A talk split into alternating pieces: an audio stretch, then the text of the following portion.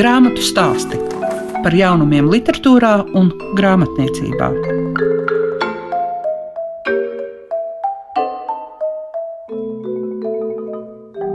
Klāt grāmatu stāstu laiks, tātad klasika, un aprīlis ir un būs Latvijas zīmē. Tātad literatūras gada balvas pretendentu zīmē. 28. aprīlī atjaunotajā cirka ēkā tiks paziņoti gada balvas uzvarētāji. Un šodien, kad pievērsīsimies oriģinālu literatūrai, oriģinālu prozai, atgādināšu, ka konkursā tika iesniegti 18 prozas darbi. Un līdz šim īpašs jauninājums ir nebijusi nominācija spilgtākais darbs literatūras zinātnē, bet par to kādu citu reizi. Un īsajā sarakstā ir nokļuvuši Osvalda Zebra Meškaja, Dacis Vīgandes romantiķis, Jāņa Joņeva decembris un Kristīnes Ilziņas Es neliecināšu pret jums. Grāmatu stāsti programmā Klasika. 2023. gadā, izvērtējot iepriekšējā gada norises, Latvijā par galveno personu ir kļuvusi Ingūna Paloda. Nākas ne tikai saka, izteikt savu viedokli, bet arī par visu žūrijas locekļu kopējo viedokli. Man laikam gribētos tev pajautāt tās galvenās tendences, ko tu esi pat ievērojis, kā tad ir tās aizvadītā gada simts un labākās grāmatas. Par laimi Latvijā aizvien galvenā persona ir daudzšķaitņainā un daudzgalvainā latviešu literatūra un tūkotā literatūra. Šogad arī literatūra zinātne fokusā. Tas grāmatu klāsts, protams, ļauj pārskatīt arī akcentus, domas virzību, gan mūsos pašos, pasakot līdzi, saformulēt. Jo jāatzīst, tad, kad mums nav jābūt Latvijas eksporta komisijā, mēs droši vien neizlasām, varbūt ar rētiem izņēmumiem, pilnīgi visu, vai faktiski visu, ko vien var uzskatīt par izlasīšanas cienīgu vispār pērnā gada griezumā. Protams, atbildības sajūta ir milzīga, vērtēt šo pagājušā gada ražu un, un izlemt, kā virzīt būtiskāko apbalvojumu Latvijas literatūrā. Man šķiet, ka akcentu pārnese ir notikusi tajā prozas laukā, kur proza ir sākusi mazliet nodot stafeti literatūras zinātnē, bet tas ir arī ļoti likumsakrīgi un parāda vairāku gadu darbu tādu plūdumu, kur tā dēvētā vēstures romānu sērija tagad kā nodot stafeti tālāk literatūras zinātnes tekstiem par autoriem, par kuriem mēs pārsvarā esam iepazinuši jau arī rakstnieku tādus nu, mākslinieckākos viedokļus. Tad tagad nāk tā izpētes daļa vairāk. Savā ziņā es redzu tur tādu iekšējo konkurenci starp prózu un literatūras zinātni šogad, tāpēc šogad ir arī atjaunot literatūras zinātni kā nominācija. Visvairāk pieteikumu bija tulkojumiem, ne tikai tāpēc, bet arī tāpēc mēs varējām beidzot spērt tādu, manuprāt, vēsturisku un gan man personiski, gan profesionāli ļoti svarīgu soli un apbalvot atsevišķi un vērtēt atsevišķi atzējas darbus un prózas tulkojumus. Neliktos vienā svārkaus pusē, pielietot dažādos lasīšanas veidus, aspektus, kritērijus. Jā, un un arī ieraudzīt tur faktiski tādus pavērsienu momentus. Protams, ka ne jau gluži vienā gadā top latviešiem Tomas Sterns Eliots vai Pauls Cēlāns, un ne arī vienā gadā latviešu bērnu literatūrā, kā atzējs darbs Ieripo Mārsalē, spoži tulkotais poļu modernists Julians Tuvims. Jā, tagad pēc visu darbu izlasīšanas, protams, atkal savu vietu ieņem man kaut kādi pašai profesionāli un personiski tuvāki varbūt darbi, taču katrā nominācijā bija par ko pacīnīties, pastrīdēt strīdēties.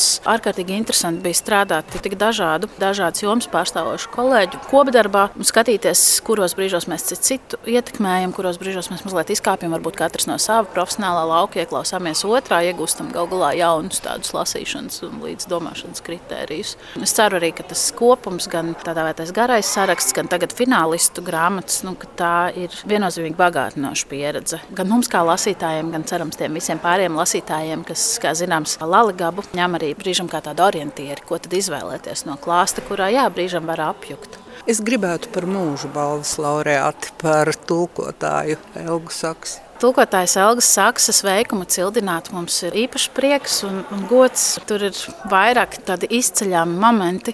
Man ārkārtīgi liekas būtisks tas viņas tāda koncentrētība un spēja veltīties tieši vienas kultūras tekstu tulkošanai. Pamatā tie ir romāni, stāsti, arī dramaturģijas teksti, kuri ir uzvesti un skatītāji mīlēti bijuši. Tātad šī rezonance ir bijusi gana plaša. Tie ir arī teksti par dziniekiem, gan varbūt ne dzējas teksti paši. Elga Saksa ungāru valodu ir mācījusies burtiski tādā impulsa iespējā, kā viņa dažreiz ir teikusi. Es domāju, liela drosme ir arī devuši viņas vecāki tulkotāji. Viņai noteikti nav bijis jau kopš mazotnes nekāda ilūzija par šo darbu, par tā plašumu, brīžam smagumu un arī tā aizrautības aspektiem. Un man šķiet, ka viņa jau labu laiku ir pelnījusi šo pateicību un pagodinājumu. Liekas arī būtiski, lai lasītāja interese vērstos uz darbiem, ko varbūt mēs nevienmēr atradīsim tajā pašā pirmajā plānā plauktā pie ieejas. Protams, tās ir grāmatas, kas pārstāv literatūras, kas nav mums uzreiz tepat kaimiņos, vai nepārstāv, manuprāt, neveikli, bet bieži tā dēvētās lielās valodas. Bet valodas, kur mums ir jāpasniedz tālāk, jāiemācās vairāk, jāiegūst cita domāšanas sistēma. Tajās Nelga Saks to ir izdarījusi, un pats galvenais pierāda, ka to var darīt un izdarīt, un ka tu vari būt uzticīgs savam darbam, aizrautībai, kas ir pamatā literatūrā visā mūža garumā. Es ceru, ka tas arī iedvesmos kādus jaunus tekstu mīlētājus varbūt apgūt gan Elgas Saksas mīlestības valodu, proti, ungāru valodu vai citas svešvalodas, kuras sniedzas tālāk par mūsu izglītības piedāvājumu. Es tikai gribu piebilst to, ka Ungāri paši, neskaitāmas reizes apbalvojot Elgu Saksu, ir teikusi, ka viņi ir iztulkojusi latviski 60 būtiskākos Ungāru literatūras darbus. Jā, tas ir tāds uh, pilnīgi noteikti kods, turklāt ar ļoti daudzveidīgu ietvērumu. Tur ir pārstāvēti autori, ko, ko gan var uzskatīt par visā pasaulē pazīstamiem, gan arī tādi, kuri vēl gaida faktiski savu izdošanu, bet tie pilnīgi noteikti visi reprezentē Ungāru literatūras attīstību vairāk kā gadsimta griezumā. Un, es esmu viņai personiski kā lasītāja ļoti par to pateicīga, un jā, es ceru, ka tas arī ļaus tādu mūžam darīt tos turpmākos darbus. Grāmatu stāsti tiem, kam grāmatu lasīšana ir vērtība. Ja ir jārunā tieši par oriģinālu prózu, un šis jautājums tiek arī oriģināla prozas rakstītājai Ilzai Jansonai, kā tev šķiet, vai bija pietiekami liela dažādība arī iesniegtajā pavisam, pavisam lielajā sarakstā? Šis gads žūrijai arī vērtējot bija ļoti sarežģīts, jo bija ļoti neviendabīgs. Līdz ar to dažādība, protams, bija, bet ne tāda dažādība, kas nodrošinātu ārkārtīgi plašas izvēles iespējas no ārkārtīgi daudz kvalitatīviem darbiem, tādiem, kā tas bija piemēram tulkojumu kategorijā. Es teiktu, tā, ka neviendabīgs tas nozīmē, ka bija brīnišķīgi, ļoti labi darbi. Un, ja mēs skatāmies uz visu to iesniegto sarakstu, nu, ne visi, kas ir iesniegti, protams, tiek arī garajā sarakstā, nu, tad es teiktu, jā, ka tas bija tāds visai proza ziņā sarežģīts, ne visai tāds viennozīmīgs un vērtēšanai ļoti, ļoti grūts gads. Tas jau ir gadiem, ka šis tulkoto grāmatu saraksts kurš tiek iesniegts Lalaгаbai, vienmēr ir stipri lielāks nekā oriģināla próza. Bet tas nav drusku aizvainojoši. Man ir prieks, ka tiek tulkots daudz lielisks literatūras, un man šķiet, ka ar uh, mūsu tulkotājiem mēs patiešām varam lepoties. Gan ar tulkotājiem, gan ar atzējotājiem. Arī prieks, ka šogad ir atsevišķi atzēju un atsevišķi prosas tulkojumi. Es nezinu, vai tas būtu aizvainojoši. Es domāju, ka nē, es saprotu, ka latviešu rakstnieks jau droši vien strādā gana lēni, strādā savā ritmā, un mēs jau nevaram prasīt no rakstnieka katru gadu pa grāmatai, vai ik pa diviem gadiem pat pa grāmatai nevaram prasīt. Es domāju, ka tas tā sakārt sakārtojas, ka dažs gads ir tāds, ka prozā nezinu, ko ķert, ko lasīt, ko grābt, un ka ir ļoti daudz tādu brīnišķīgu darbu, un citā gadā atkal tā raža ir tāda mazliet liesāka. Pirms tu sāc raksturot šī gada īso sarakstu, kura ir tā grāmata, kas nu, no visa tā pāri par simt izlasītajām tev uzrunāja visvairāk? Man uzrunāja ļoti daudzas, bet es labāk atturēšos no atbildes šobrīd. Šo jautājumu var uzdot man pēc labi. Tad ir tā, ka tā grāmata nav iekļuvusi pat eh, nominantu sarakstā. man būtu ļoti grūti arī pateikt, vai ir tieši viena tāda, kas man ārkārtīgi uzrunāja, jo tādas noteikti bija vairākas. Bet es teiktu, ka nominantu sarakstos ir gan. Jā, visas grāmatas, kas man ir uzrunājušas, ir nominantu sarakstos. Labi. Nu, un tad, ja mēs pievēršamies šim īsajam sarakstam, tās grāmatas ir dažādas. kas man liekas ir labi. Varbūt, ka tad sākam ar decembri, ar Jānu Joņevu. Jā, man šķiet, ka decembra spēks ir tieši tas, ka Joņevs brīnišķīgi prot saglabāt savu stilu. Viņš joprojām mīl lasītāju, viņš lasītāju neapgrūtina ar kaut kādām tādām neiespējamām virāžām, kas izvēloties tādu, laikam jālieto angļu termiņš true crime žanru, ir diezgan sarežģīti, manuprāt, izdarāms. Lai gan decembrim būtu ārkārtīgi grūti pateikt, nu, vai tas ir romāns, vai tas ir dokumentāls stāsts, vai tā ir gara eseja, bet katrā ziņā tas ir prozas darbs, un tas ir atbildīgi, labi ar uh, autoru stilu un uh, humoru uzrakstīts prozas darbs, kuram noteikti tāpēc ir vieta īsajā sarakstā.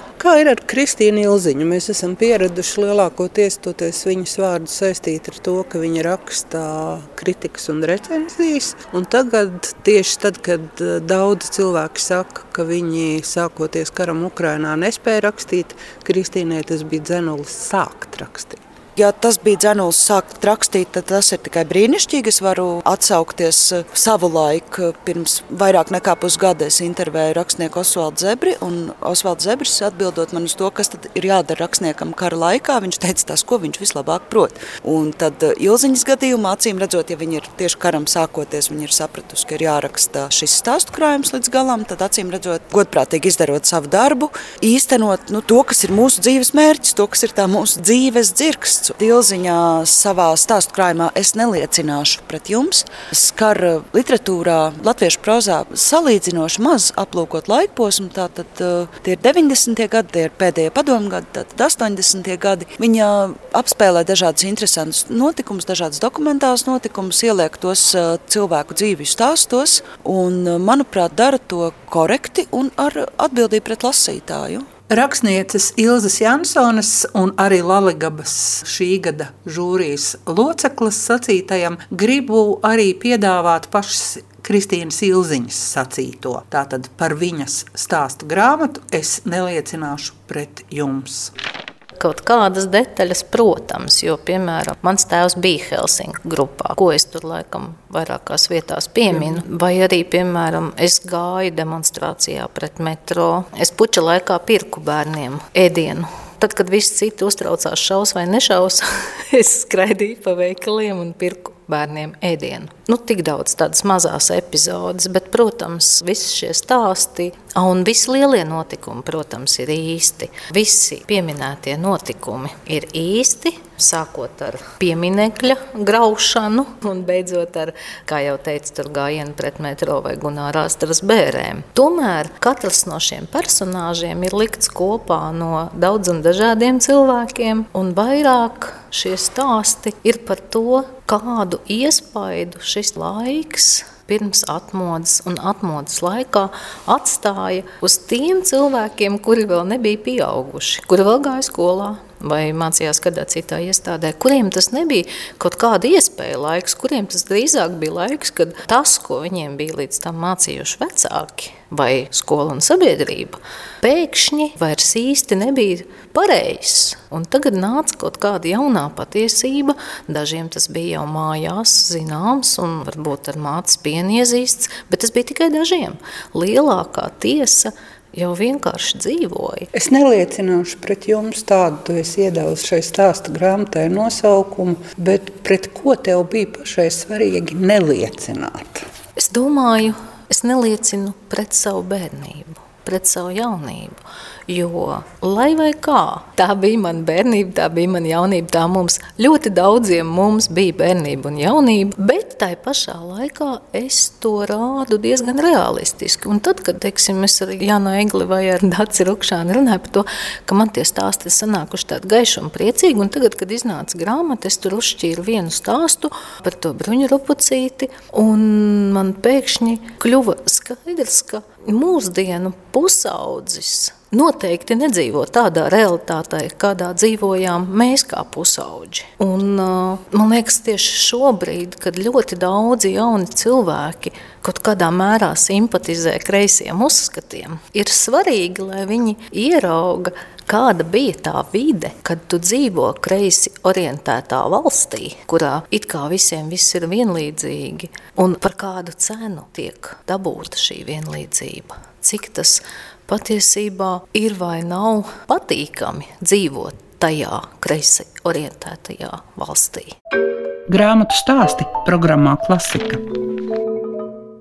Dzirdējāt Kristīnu Ilziņu, bet tagad vārds vēlreiz rakstniecei Ilzei Jansonai, arī Laligabas šī gada žūrijas pārstāvēja. Tu jau pieminēji Osvaldu Zebru, viņš arī ir šajā četrniekā ar mežakāju. Un man tik mīļo Gunāru Janovski, un es domāju, ka viņš tiešām šajā sērijā parāda to radošo tapšanas procesu un vēl ar pārtaugavu. Jā, man uh, Meža kāja arī šķiet eh, formas ziņā ļoti oriģināls darbs, jo zebras pamanās savienot eh, šīs abas balsis daudzpunktē. Un, eh, kas man šķiet ļoti simpātiski, ka šis darbs ir uzrakstīts ar visdziļāko cieņu pret Gunaru Janovski, ar milzīgu iejušanos viņa dzīvē un viņa prozas tekstos, un tomēr nepazaudējot arī paša zebra balsi. Taču zebra balsis nedominē. Meža kājā zebras nekādā veidā nedominē pāri Janovski. Nu, kā es saku, viņi ir savienoti daudzpunktos. Jā, šādu darbu lasīt un pārlasīt vienmēr ir liels prieks. Arī tāpēc, ka lasot pirmo reizi, eh, atklājas tas viens jēgas slānis, lasot nākamajā reizē, jau lasītājs spēja pamanīt kaut ko citu, un tad velkas kopā tie simboli un tās zīmes, kas ir kaut kur izmētāti tekstā. Un, eh, jā, manuprāt, tas arī ir brīnišķīgs romāns. 20 minūtēs mēs, protams, nevaram piedāvāt visu, ko vēlamies. Izvēlamies tikai kādus būtiskākos akcentus, un tāpēc tūlīt varēsiet dzirdēt arī vēl Osvalda Zebra sacīto par meškāju, kas veltīta Gunāram Janovskim un ir izdota sērijā Es esmu. Par Janovsku zināju ļoti maz. Brīdī, kad tika prezentēta tā ideja no Dārts Parāns un uh, Gundegas Repša puses par to, ka būs šāda sērija un var izvēlēties autoru, pieteicos uzreiz rakstīt tieši par Gunāru Janovski. Pareizāk sakot, iejusties Gunāru Janovska ādā, jo raksta par autoriem literatūras zinātnieki. Pieteicos, jo es tajā brīdī lasīju viņa romānu Nams Lokas ielā, kas man kā zvērinātam pārdogavietim bija šausmīgi mīļš darbs un vēl aizvien ir. Un man ļoti uzrunāja Janovska darbos tāda uzkrītoša vienkāršība. Viņš nesarežģīja sižetu, Viņš nesamežģīja tēlus, bet tajā pašā laikā visa šī vienkāršība sevī slēpj ļoti vilinošu un ievelkošu spēku. Nu, Nevelti viņš bija tik lasīts. Viņš bija viens no tiem trim autoriem, kas bija visvairāk pārdotie, kuram iznāca romāni vienbrīd pat katru gadu pa vienam, un visi tika izpārdoti un papildus tirāžas drukāts. Izdevējs Rudzīts viņam regulāri rakstīja vēstules, kad būs nākamais lasītājs jau gaida. Ar Janovsku grāmatu, laikam, tā man ir sestā grāmata, man ir jau ar ko salīdzināt, nav pirmā vai otrā. Es patiešām varu teikt, ka tā man bija visgrūtākā, jo kaut kādā brīdī, nu, lai arī sākotnēji man viss bija skaidrs, kā, nu, ka man jājūtas Janovs kādā, es esmu Janovskis, nu, kā jau visiem sērijas autoriem, jāizvēlās kaut kāds viņa dzīves posms, jo es taču nevarēšu visdrīzāk iejusties visā viņa mūža garumā, viņš, paldies Dievam, nodzīvoja garu un ļoti tādu piepildītu mūžu, arī traģisku, bet visi šie nosacījumi ir diezgan skaidri. Bet tad es kaut kādā brīdī pavisam apstulbju, es sapratu, ka kas tas īsti būs. Es taču nerakstīšu par to, kāds bija Janovskis. To izdarīs literatūras zinātnieki lielā mērā. Es neatkārtošu viņa romānu aprakstīto varoņu gaitas. Līdz ar to tur bija tādas pārdomas, bet ļoti loģiski. Es domāju, ka man pēkšņi kļūst skaidrs, ņemot vērā, ka Janovskis bija tik ražīgs autors un arī pieprasīts un populārs, ka man ir jāraksta par to, kā top rakstnieks, kas notiek. Viņa gadījumā lielā mērā tie bija traģiskie otrā pasaules kara notikumi, Latvijas neatkarības zaudēšana. Un kaut kādā brīdī es domāju, ka viņa pārliecība, ka par to nedrīkst aizmirst, to nedrīkst pazaudēt, to nedrīkst noklusēt, tas ir jāfiksē, jāfiksē spilgti, ko viņš arī lielā daļā savu romānu izdarīja. Grāmatu stāsti tiem, kam grāmatu lasīšana ir vērtība. Nu, redz, loģiski esam nonākuši pie ceturtās grāmatas, bet grāmata, kas stāsta par varoņiem, kam patīk četri riteņi. Dācis Vīgantes romantiķis. Jā, Dārts Vigants romantiķi. Es uh, ārkārtīgi novērtēju autoras sievietes spēju iejusties vīriešu tēlā, iejusties līdz ticamība līdz kaulam. Šis darbs arī saglabā to vēsturisko retrospektīvu, lai iespējams, lai izstāstītu, kāpēc galvenais varonis ir tāds, kāds viņš ir dzīvē, jo brīžam gribas tam galvenajam varonim pārmest kaut kādu zināmu sentimentalitāti vai kaut kādu tādu neiejūtību nejūtību pret apkārtējiem, jo viņam ir tā viņa dzīvības dzirksts, kas viņam ir svarīgi. Nu, šai gadījumā es to dzirkstā izmantoju, bet, nu, jā, tas ir motors vairāk vai mazāk.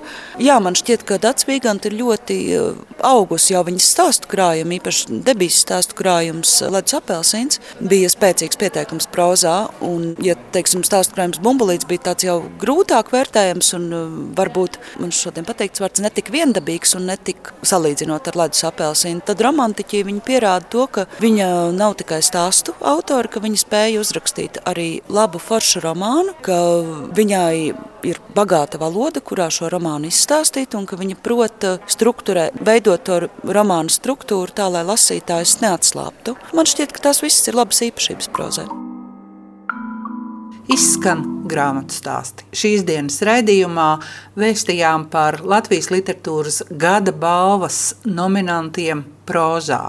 Un šīs grāmatas ir Osvalda Zebra Meškāja, Dacis Vīgantas romantiķis, Jāņa Joņeva decembris un Kristīnas Ilziņas Es neliecināšu pret jums.